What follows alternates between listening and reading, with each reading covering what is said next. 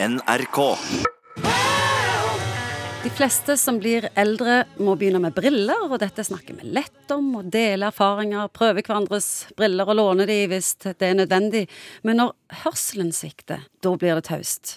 Og jeg tolker det dit hen at de da føler skam.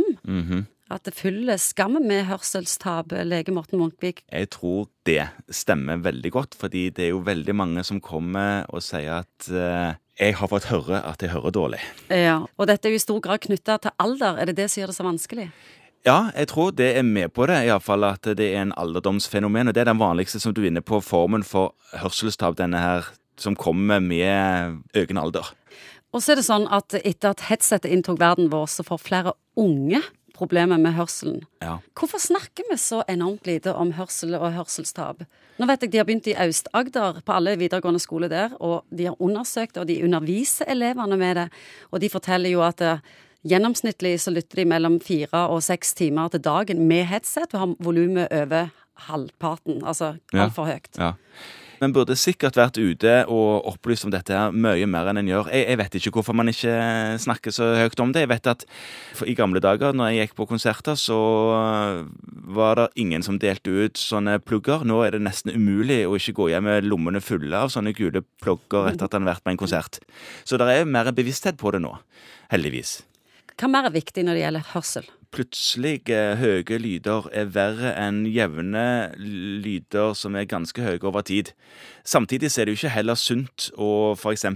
sovne med headsetet sitt på full guffe. Da kan en våkne opp og være ganske sliten i ørene, og det kan kanskje gå litt tid før en opplever å få tilbake normal hørsel. Det kan kanskje pipe litt, men det kan gå over. Så en sånn feedback på konsertsetting Nettopp. plutselig kommer, det er farlig. Det er farlig, og man kan også til og med kjenne snerte. ikke sant? Det det er en lydstyrke når man når over 100, og kanskje 105 og 110 desibel. Jeg tror smertegrensen faktisk er 120 desibel.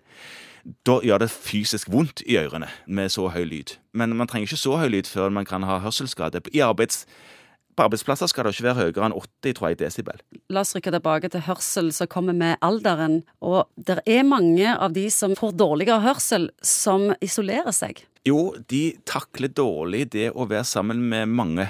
Når man får nedsatt hørsel, så klarer man én-til-én-samtale ganske greit, fordi man konsentrerer seg bare av de lydene som kommer ut fra én munn. Mens dersom det er mye lydstøy, og man prøver å føre en samtale med flere samtidig, så klarer man ikke å henge med. Og da er det flaut å si 'hæ' og 'hva' og 'unnskyld, hva sa du?' Og neste gang folk sier det samme, heller ikke da klarer å få det med seg. Da er det mange som istedenfor bare å holde seg unna den typen sosiale settinger. Og det er helt unødvendig, og nå skal vi komme inn på det essensielle. Og det Ja. er at nå trenger du ikke sitte med en hørelur eller et gigantisk eh, høreapparat lenger. da, du, da tror jeg du blir sett litt rar på. Ja, fortell hvordan du kan fikse dårlig hørsel. Det er begynner å bli ganske avanserte hørselsapparater som vi kan få nå, som vi nesten ikke ser engang. Hvor selve mekanismen og elektronikken ligger bak øret, og så ligger det en liten ledning inn i øret som eh, er det som hjelper til med, med hørselen. Omtrent usynlig. Mer eller mindre usynlig. Allikevel er det mange som velger å ikke bruke det, men det funker mye bedre nå enn de gamle høreapparatene som var sånn stor kleis som en hadde ute på øret.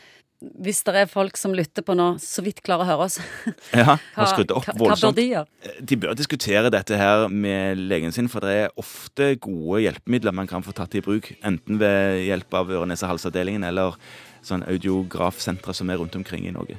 Og for et helt nytt liv. Ja, mange vil oppleve det sånn. Help me